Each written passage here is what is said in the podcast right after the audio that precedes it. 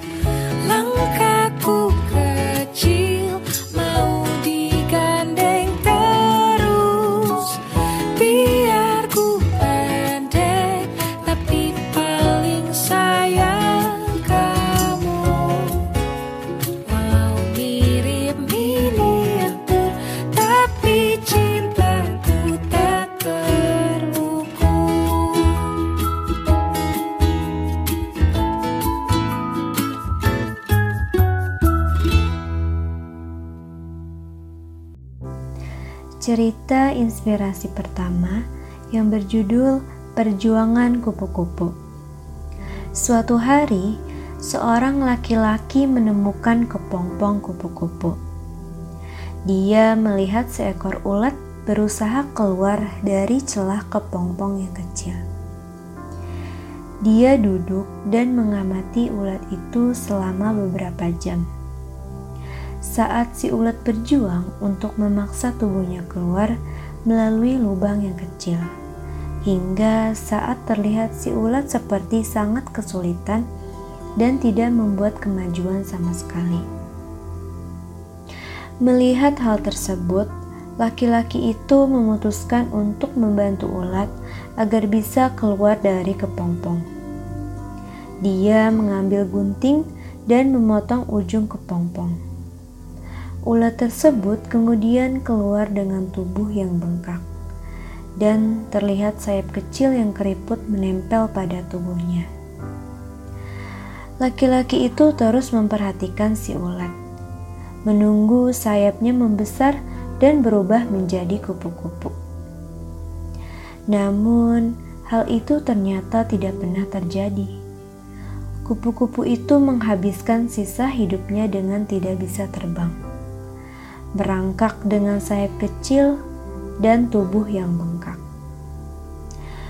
Meskipun pria itu baik hati, dia tidak mengerti bahwa kepompong yang membatasi dan perjuangan yang dibutuhkan kupu-kupu untuk bisa melewati lubang kecil itu adalah cara Tuhan untuk memaksa cairan dari tubuh kupu-kupu ke sayapnya, yaitu mempersiapkan kupu-kupu untuk terbang setelah keluar dari kepompong.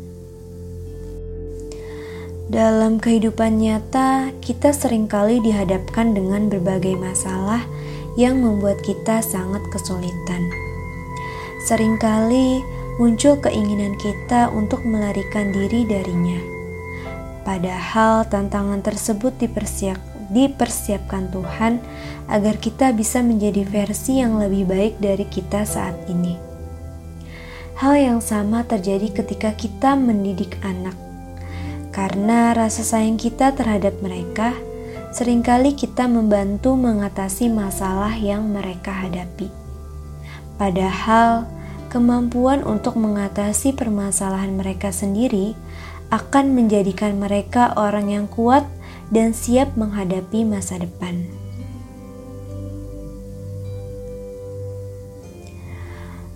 Pesan moral dalam cerita inspirasi Perjuangan kupu-kupu ini adalah perjuangan kita dalam hidup mengembangkan kekuatan kita.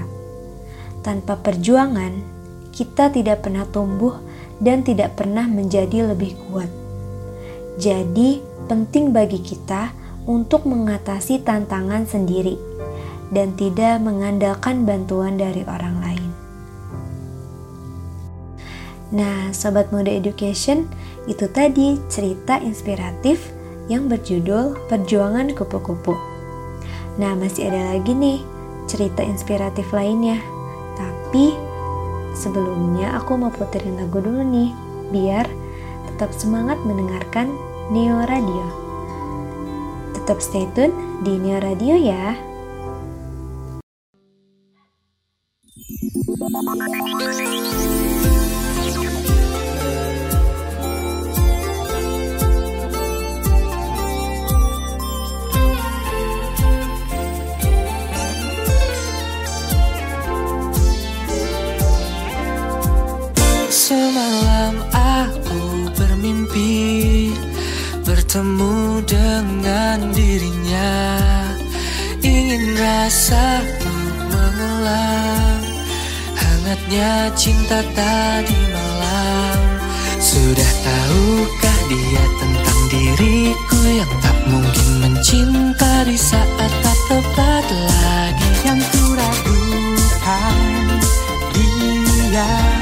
Diriku yang tak mungkin memiliki Sedetik tarik nafasku Jam mata pilih bila pikir-pikir kata Cinta itu kedua daun kupingku Saya menyatakan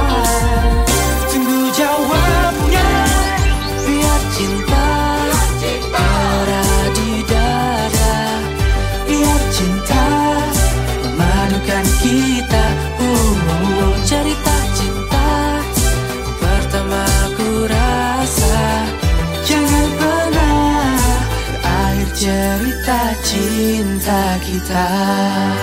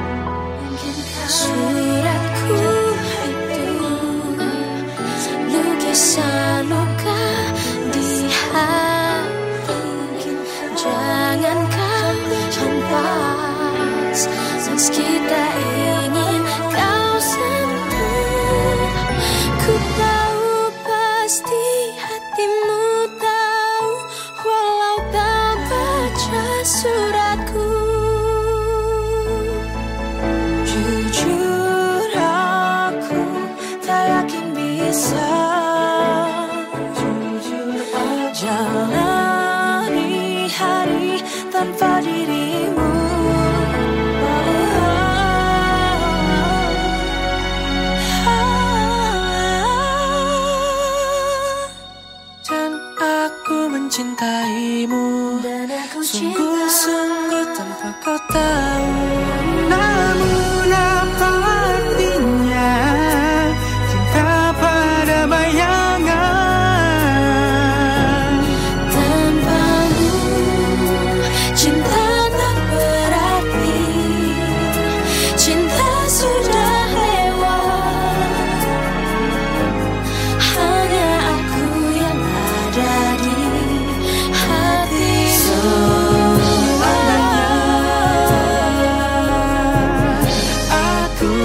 bisa terbang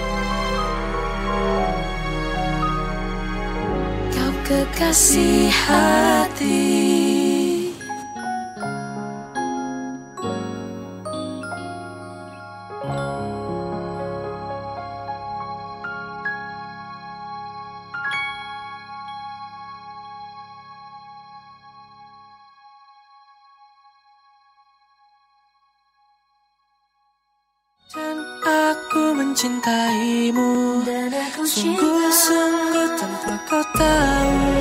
Namun apa artinya Cinta pada bayangan?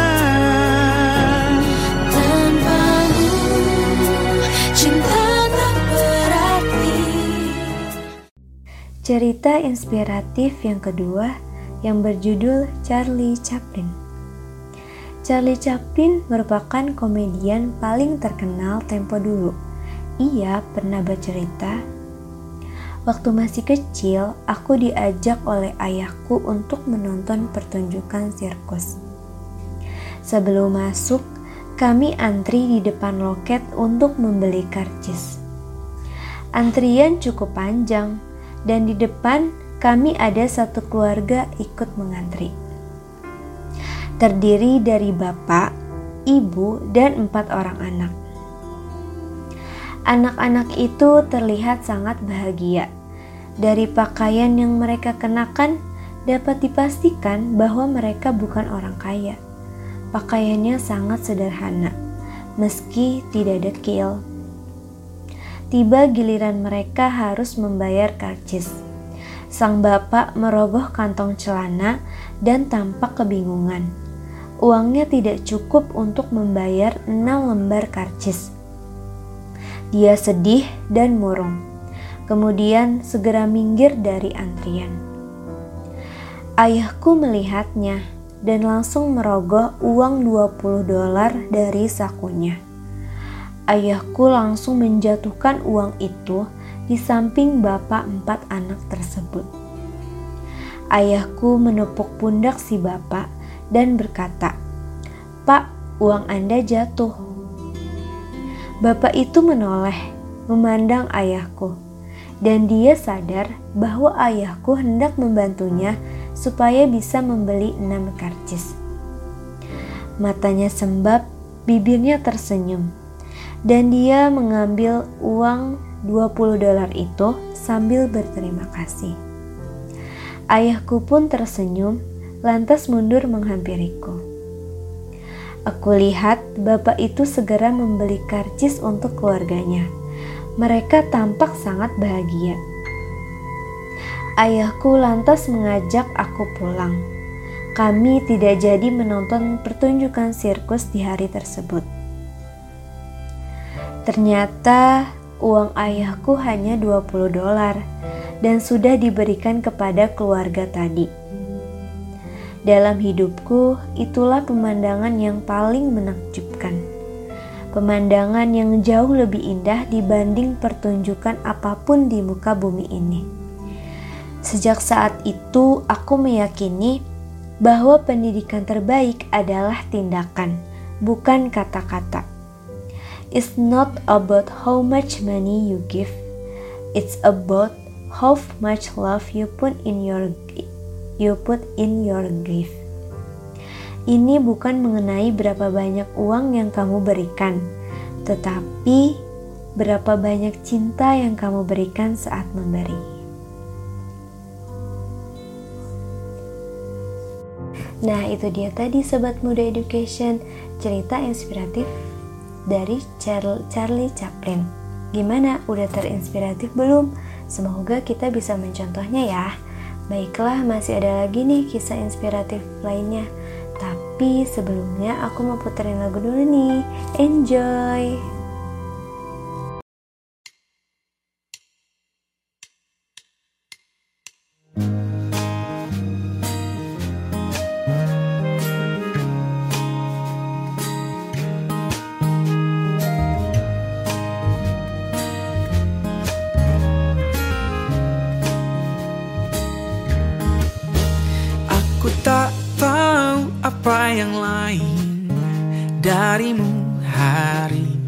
Ini.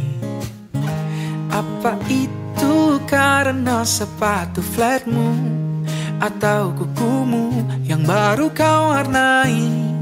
Pernahkah kau bertanya Seperti apa bentuk air tanpa wadah? Pernahkah kau mengira seperti apa bentuk cinta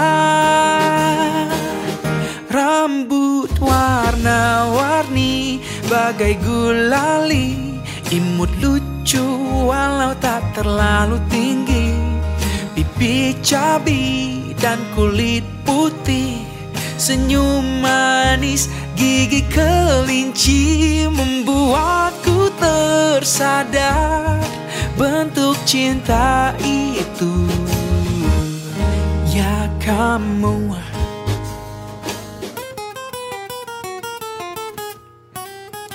Kini ku tahu apa yang lain Darimu hari ini.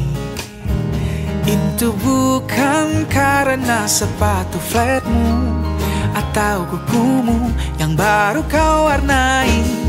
Pernahkah kau bertanya Seperti apa bentuk air tanpa wadah? Pernahkah kau mengira Seperti apa bentuk cinta? Rambut warna-warni bagai gulali. Imut lucu walau tak terlalu tinggi. Pipi cabi dan kulit putih. Senyum manis gigi kelinci. Membuatku tersadar. Bentuk cinta itu. Ya kamu.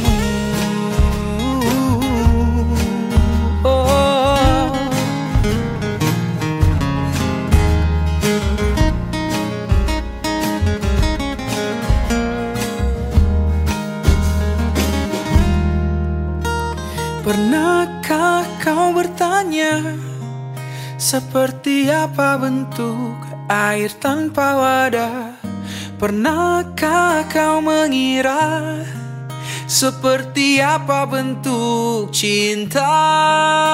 Oh, oh. Rambut warna-warni bagai gulali, imut lucu walau tak terlalu tinggi. Pipi cabi dan kulit putih, senyum manis gigi kelinci.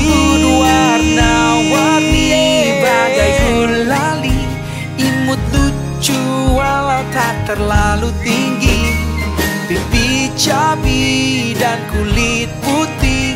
Senyum manis gigi kelinci Membuatku tersadar bentuk cinta itu.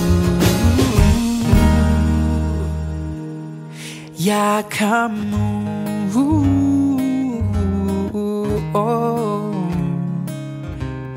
Cuma dirimu untukku. Bentuk cinta itu kamu. Oh ya kamu.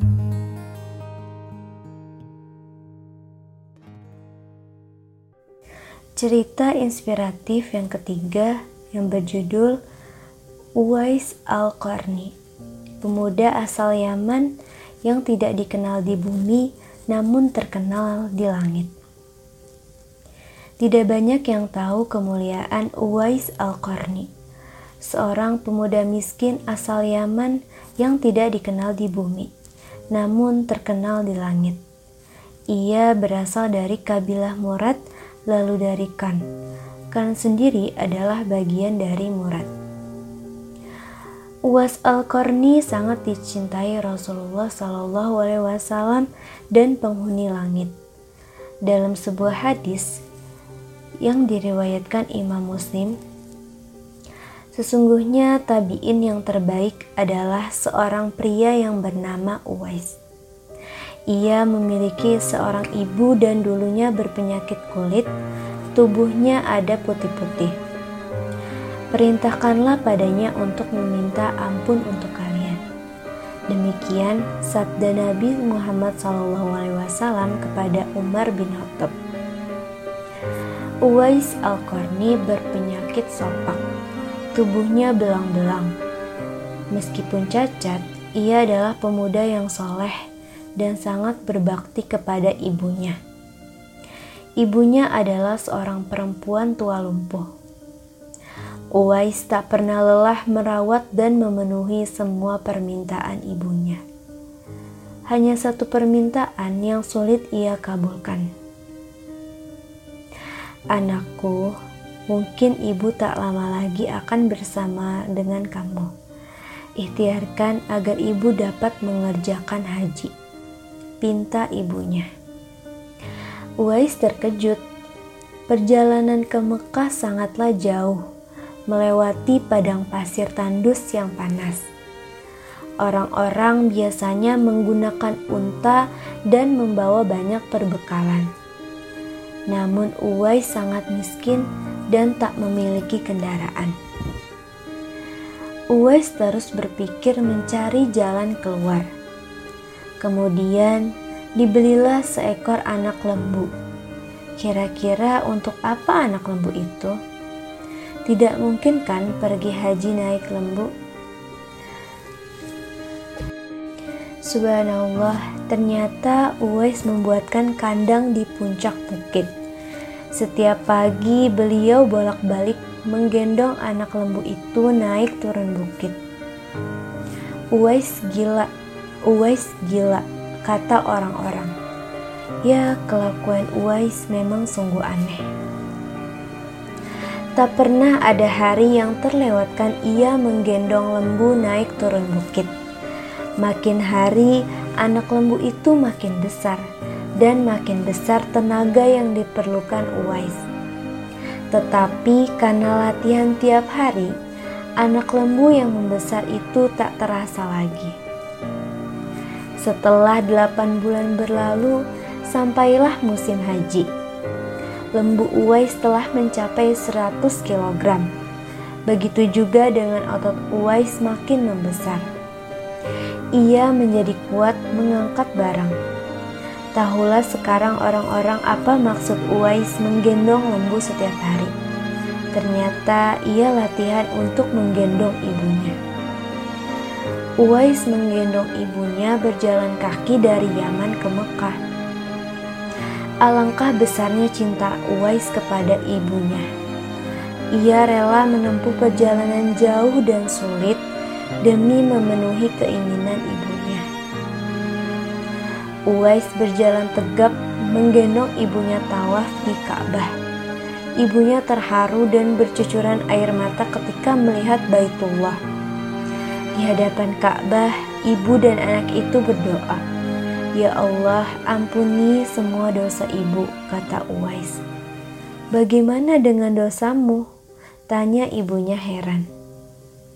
Uwais menjawab, "Dengan terampunnya dosa ibu, maka ibu akan masuk surga." Cukuplah ridho dari ibu yang akan membawaku ke surga. Itulah keinginan Uwais yang tulus dan penuh cinta. Allah Subhanahu wa taala pun memberikan karunia-Nya. Uwais seketika, seketika itu juga disembuhkan dari penyakit sopaknya. Hanya tertinggal bulatan putih di tengkuknya. Hikmah dari disisakannya bulatan putih di tengkuk itu sebagai tanda bagi Umar bin Khattab dan Ali bin Abi Thalib, dua sahabat utama Rasulullah Wasallam, untuk mengenali Uwais. Umar dan Ali sengaja mencari Uwais di sekitar Ka'bah karena Rasulullah Shallallahu Alaihi Wasallam berpesan, di zaman kamu nanti akan lahir seorang manusia yang doanya sangat makbul. Kamu berdua pergilah dan cari dia. Dia akan datang dari arah Yaman. Dia dibesarkan di Yaman. Dia akan muncul di zaman kamu. Carilah dia. Kalau berjumpa, kalau berjumpa dengan dia, mintalah doa untuk kamu berdua. Kisah pertemuan Umar dengan Uwais Al-Qarni Usair bin Jabir berkata, Umar bin Khattab ketika didatangi oleh serombongan pasukan dari Yaman, ia bertanya, Apakah di tengah-tengah kalian ada yang bernama Uwais bin Amir? Sampai Umar mendatangi Uwais dan bertanya, Benar engkau adalah Uwais bin Amir? Uwais menjawab, Iya, benar. Umar bertanya lagi, Benar engkau dari Murad dari Kan? Uwais, Uwais menjawab, Iya. Umar bertanya lagi, Benar engkau dahulu memiliki penyakit kulit, lantas sembuh ke kecuali sebesar satu dirham? Uwais menjawab, Iya. Umar bertanya lagi, Benar engkau punya seorang ibu? Uwais pun menjawab, Iya. Lalu Umar berkata, Aku pernah mendengar Rasulullah Shallallahu Alaihi Wasallam bersabda, nanti akan datang seseorang bernama Uwais bin Amir bersama serombongan pasukan dari Yaman. Ia berasal dari Murad, kemudian dari Kan. Ia memiliki penyakit kulit kemudian sembuh darinya kecuali bagian satu dirham. Ia punya seorang ibu dan sangat berbakti padanya.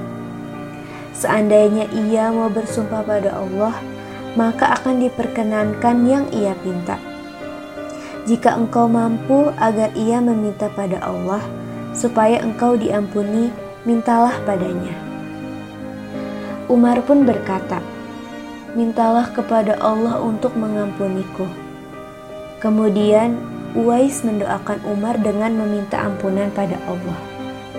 Umar kemudian bertanya kepada Uwais, Engkau hendak ke mana? Uwais menjawab, ke Kufah. Bagaimana jika aku menulis surat kepada penanggung jawab di negeri Kufah supaya membantumu? Kata Umar. Uwais Al-Qarni menjawab, Aku lebih suka menjadi orang yang lemah atau miskin. Kata Imam Nawawi, Uwais adalah orang yang menyembunyikan keadaan dirinya. Rahasia yang ia miliki Cukup dirinya dan Allah yang mengetahuinya.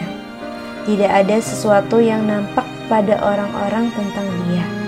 Itulah yang biasa ditunjukkan orang-orang bijak dan wali Allah yang mulia. Nah, itu dia tadi Sobat Muda Education, kisah inspiratif dari Uwais Al-Qarni, pemuda dari Yaman yang hidup pada zaman Nabi. Sekian dulu kisah inspiratif yang dapat aku bagikan. Semoga kisah inspiratif ini menjadi inspirasi buat kita semua dan bisa kita terapkan juga kita lakukan di kehidupan kita sehari-hari. Saya Anissa pamit undur diri. Sampai jumpa lagi di episode-episode Neo Radio selanjutnya. Wassalamualaikum warahmatullahi wabarakatuh. Neo Radio Radio masa kini.